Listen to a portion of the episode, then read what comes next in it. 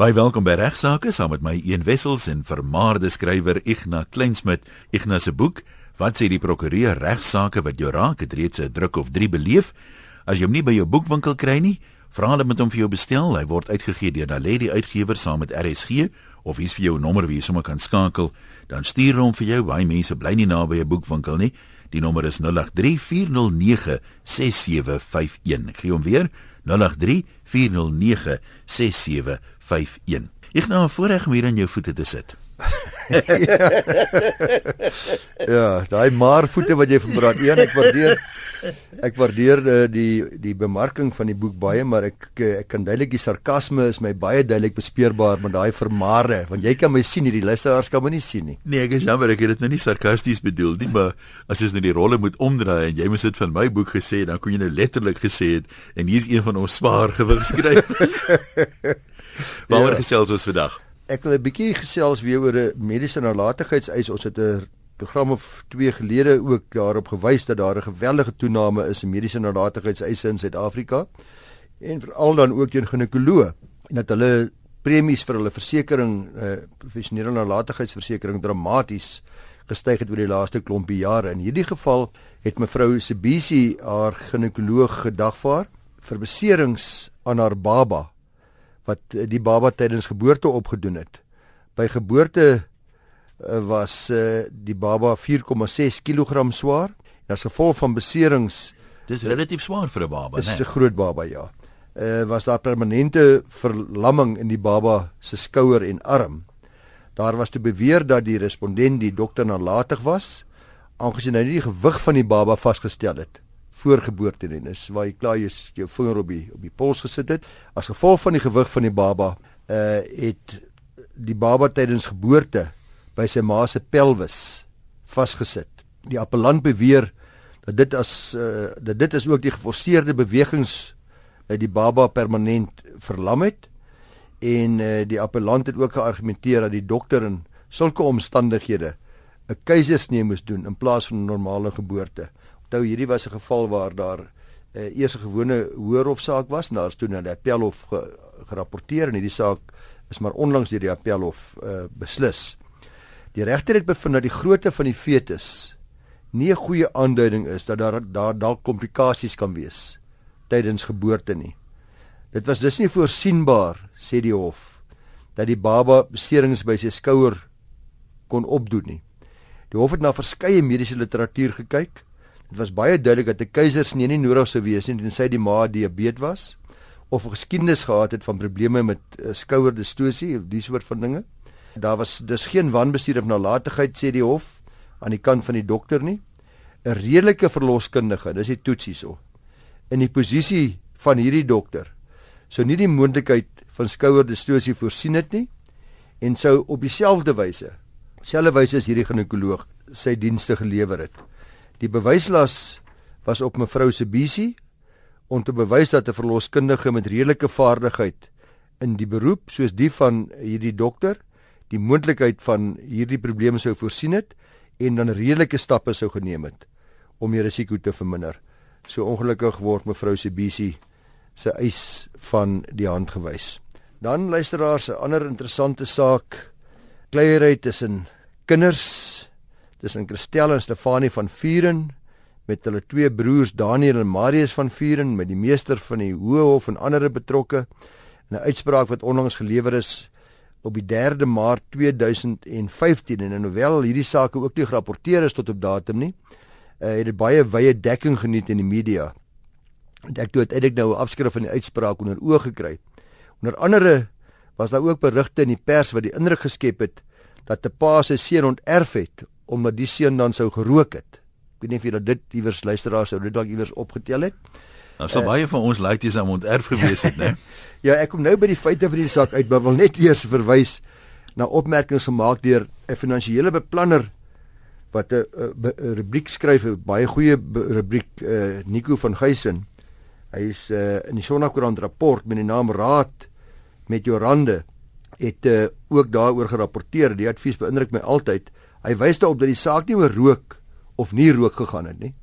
Uh niemand, geen kind of kraai het 'n reg om te erf, dis die punt. Anderswoorde ek moet erf nie my kind omdat hy rook of omdat jy nie rook nie. Ek onterf my kind omdat dit my reg is om te onterf.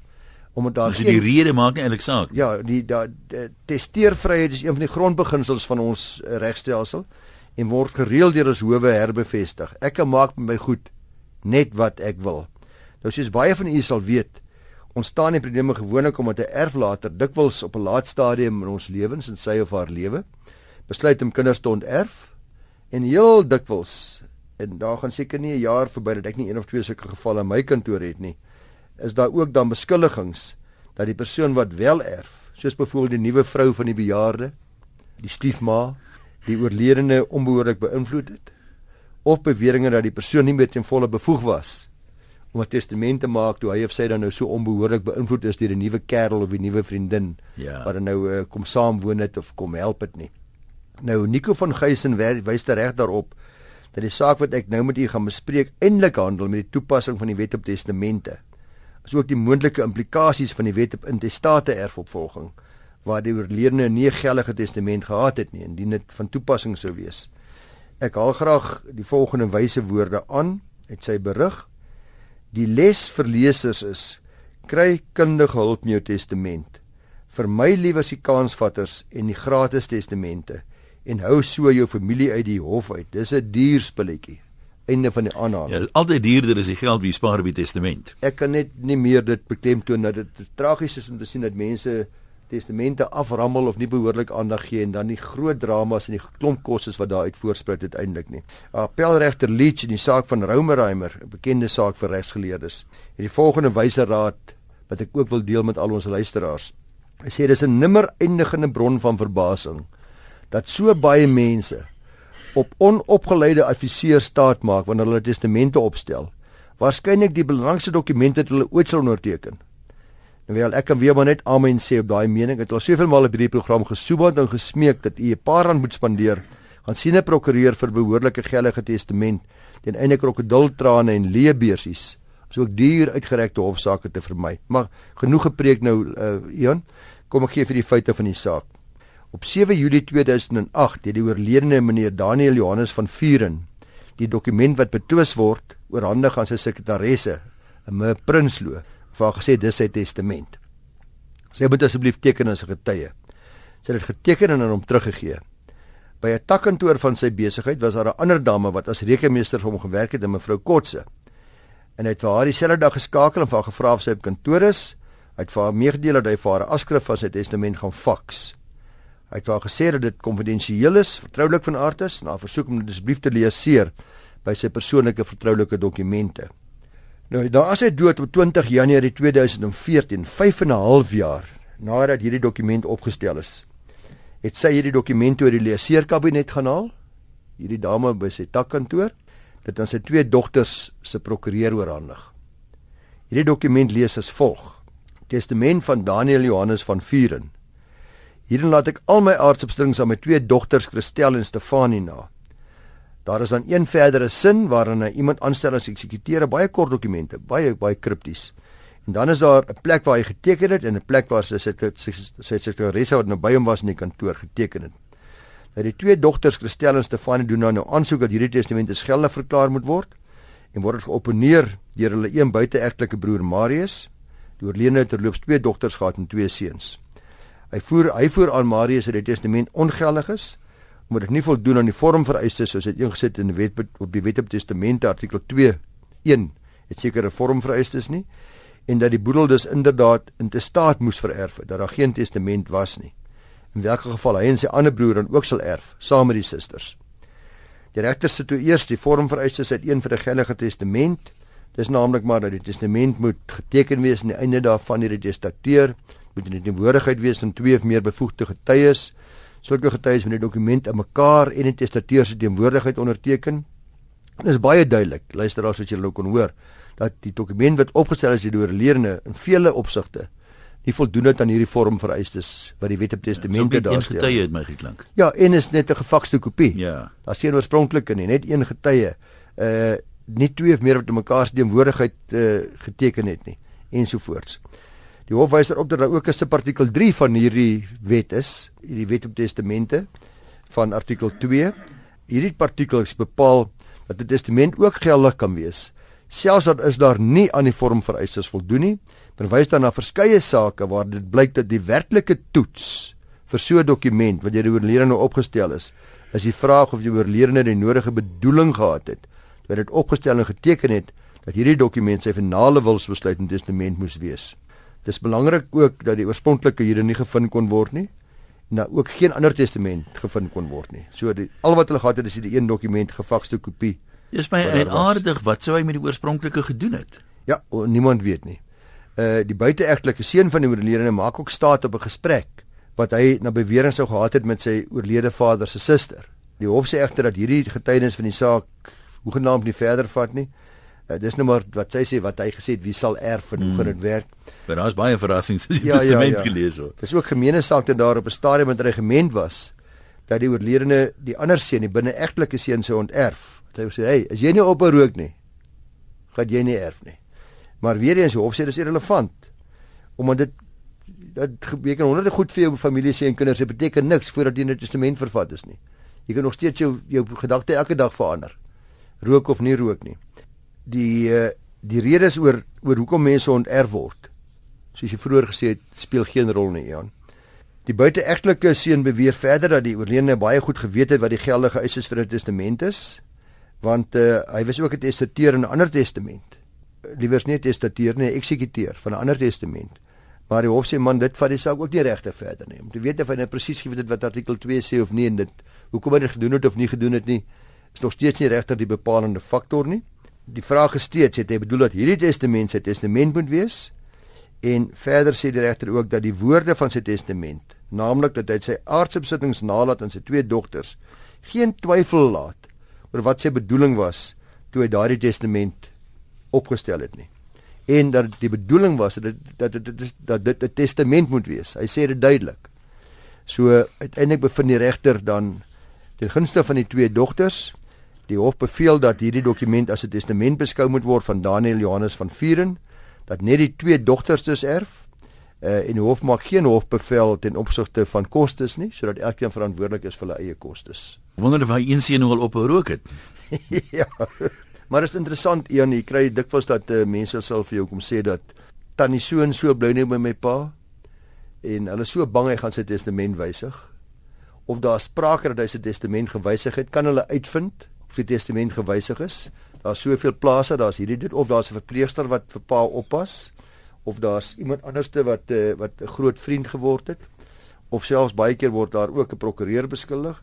En die slegte nuus is dat as u uh, vader of u moeder of wie ook nog al hieroor bekommerd is by sy of haar volle positiewe is en hulle word op 'n wyse beïnvloed dat hulle oortuig daarvan om ander mense te laat erf en nie noodwendig die kinders nie, is dit hulle baie goeie reg om dit so te doen. Ja, die mens moet nie sê die hartseer ding noodwendig nie, maar jy kry soms dat iemand was goed vir iemand anders vir 50 jaar.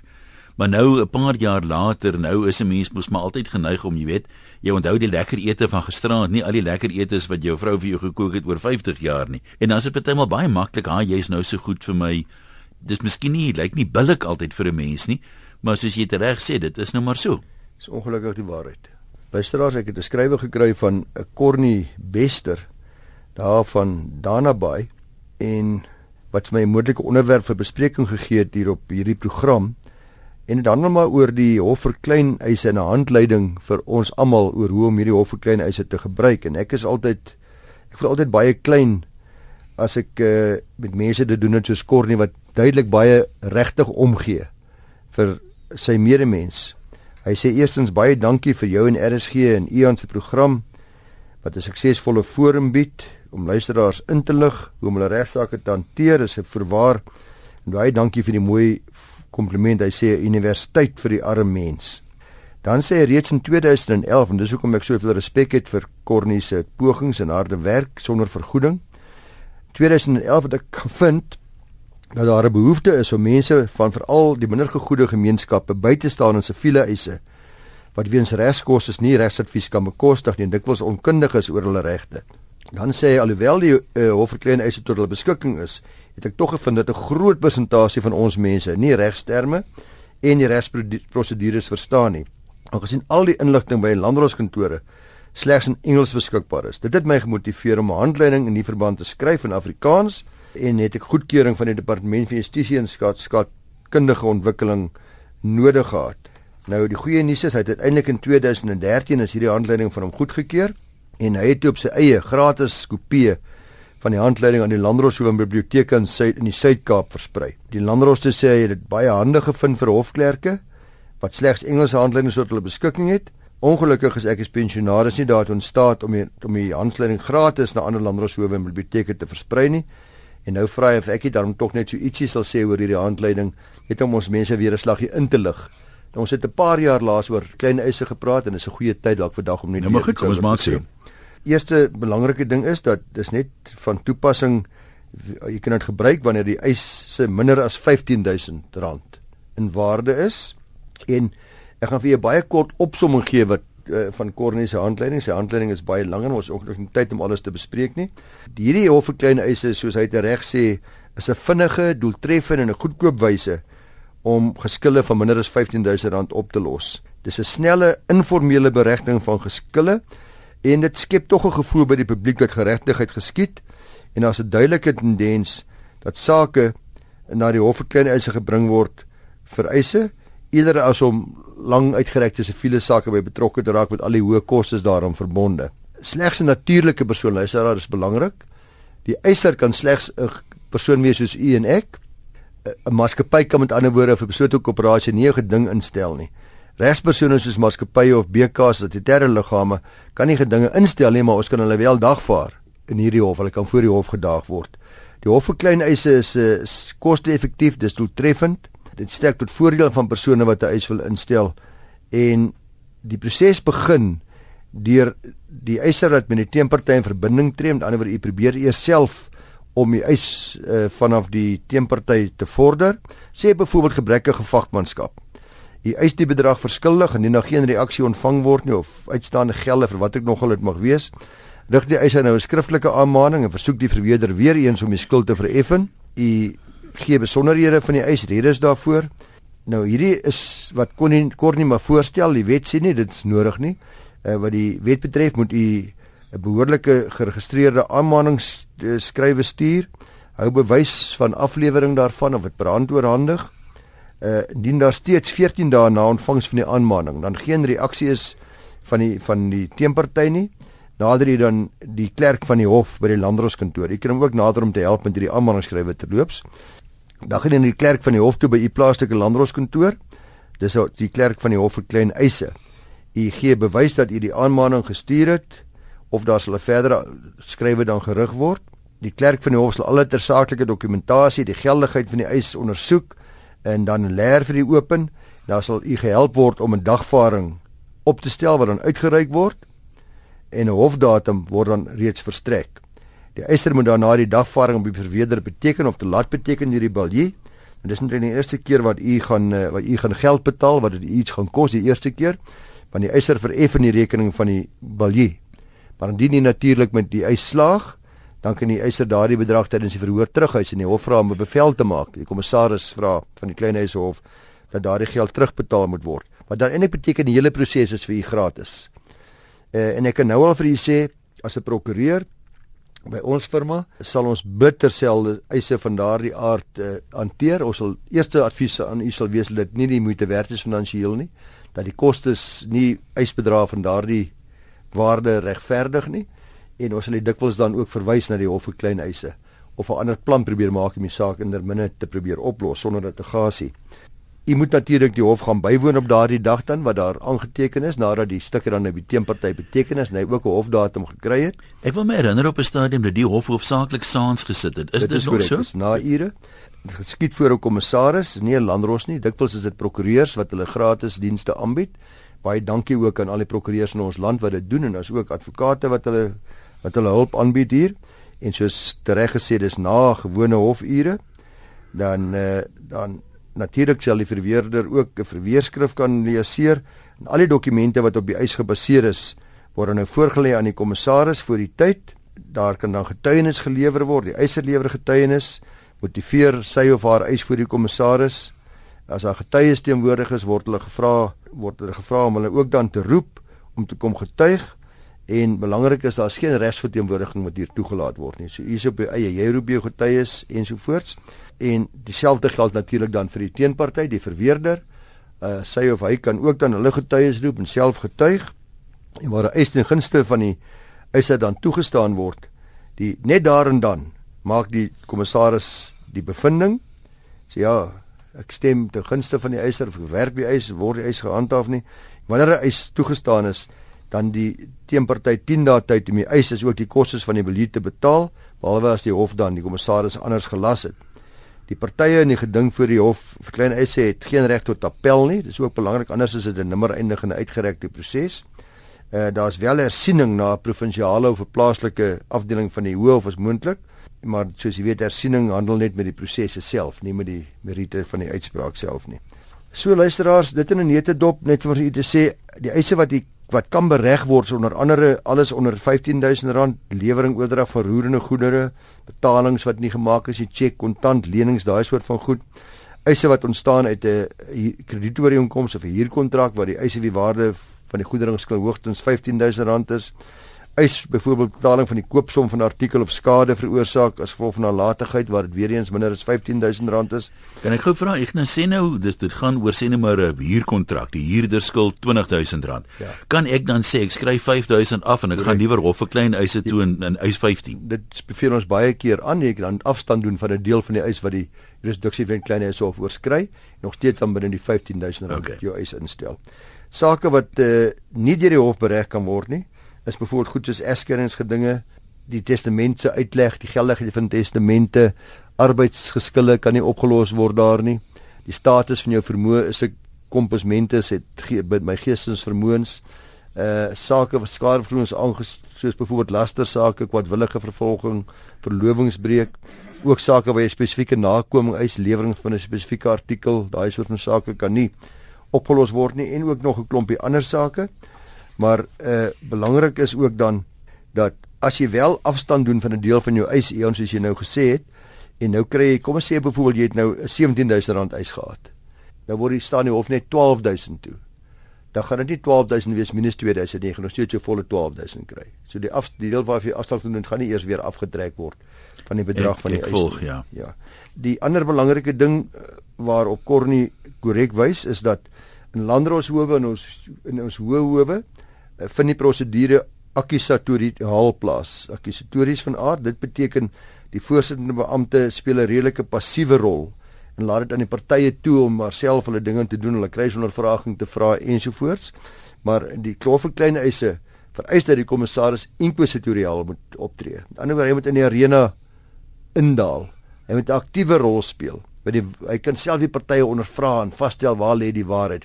Baie soos hierdie Amerikaanse programme wat mense baie keer kry ja. uh, waar die voorsittende beampte redelik aktief. Wat hy ook sal moet doen want ek meen die partye het nie regsverteenwoordiging nie, so hulle mag nie met prosedures en goed die formele aspekte vertroud wees nie. Ja, hy soek ja, nou ja. net 'n regverdige beslissing. Wat en hy wel, kan enige iets vra wat hom kan help om dit te kry lê. En alhoewel die partye normaalweg nie die reg het om te ondervra of te kruis verhoor nie, uh, kan die kommissaris nou goed dinge dit toelaat. En dit was afhangende van die feite sal die kommissaris sê jy iets wat jy wil vra, maar hy sal nie 'n lang uitgerekte hierdie hierdie is 'n baie vinnige, baie spoedige manier van beregting. Jy kan dieselfde fondse gee as wat enige ander hof kan gee. Uh en ook bevel van absolusie kan hy gee. Dit beteken dat daar's nie genoeg getuienis nie, maar volgende keer weer kom as jy dink jy kan beter doen, kan hy ook gee. En uh, baie ander belangrike ding is wanneer ek nou sê ek's nou die kommissaris, sê hoor hierso meneer, jy moet 10000 rand aan een wessels betaal en jy een het geslaag met sy eis, dan is die vraag wanneer gaan dit nou betaal word? En dan kan hy ook onmiddellik net daar finansiële ondersoek hou om te hoor wat is sy vermoë om te betaal en dan 'n bevel in paaiement te maak. OK. Wat ook uh, die lang uitgerekte artikel 65 ondersoeke wat in plaas vind uh, na die stand van die persoon se finansies kan jy dan uh, kan jy dan op die manier uitskakel. Uh versuim om te voldoen aan 'n vonnis van 'n hof uh, is presies net soos aan die vonnis van enige ander hof. So as jy nie betaal binne jou tyd nie, kan ek 'n lasbrief eksekusie uitreik en al die ander stappe neem. Baie dankie weer aan uh, aan Cornie en as jy wil gebruik maak van u hof vir klein eise in u omgewing, soos ek reeds gesê het, die plek waar jy net moet gaan waar jy al die inligting gaan kry wat ek nou vir u gegee het, is by die klerk van die hof vir klein eise uh, en elke landdroshof het so 'n uh, persoon wat u behulp. Net so ten slotte, nou vind jy dat die hof en gewildheid toeneem maak baie mense daarvan gebruik of is daar baie mense wat nie werklik weet hoe dit werk nie en daarom nie dit benut nie. Ek dink baie prokureurs verwys mense na die hof vir klein eise toe. Ek het geen statistiek om te sê hoe dit toeneem nie wat wel gebeur is dat uh, feitelik elke jaar vir al die laaste paar jaar die minister het goed gedink om hierdie jurisdiksie te verhoog wat 'n goeie aanduiding is dat daar 'n baie groter behoefte is om al hoe meer en meer sake ja. daarna te verwys. Dis alwaar vir ons gaan tyd hê vandag. Regsaake word moontlik gemaak deur die Prokureursorde van Suid-Afrika.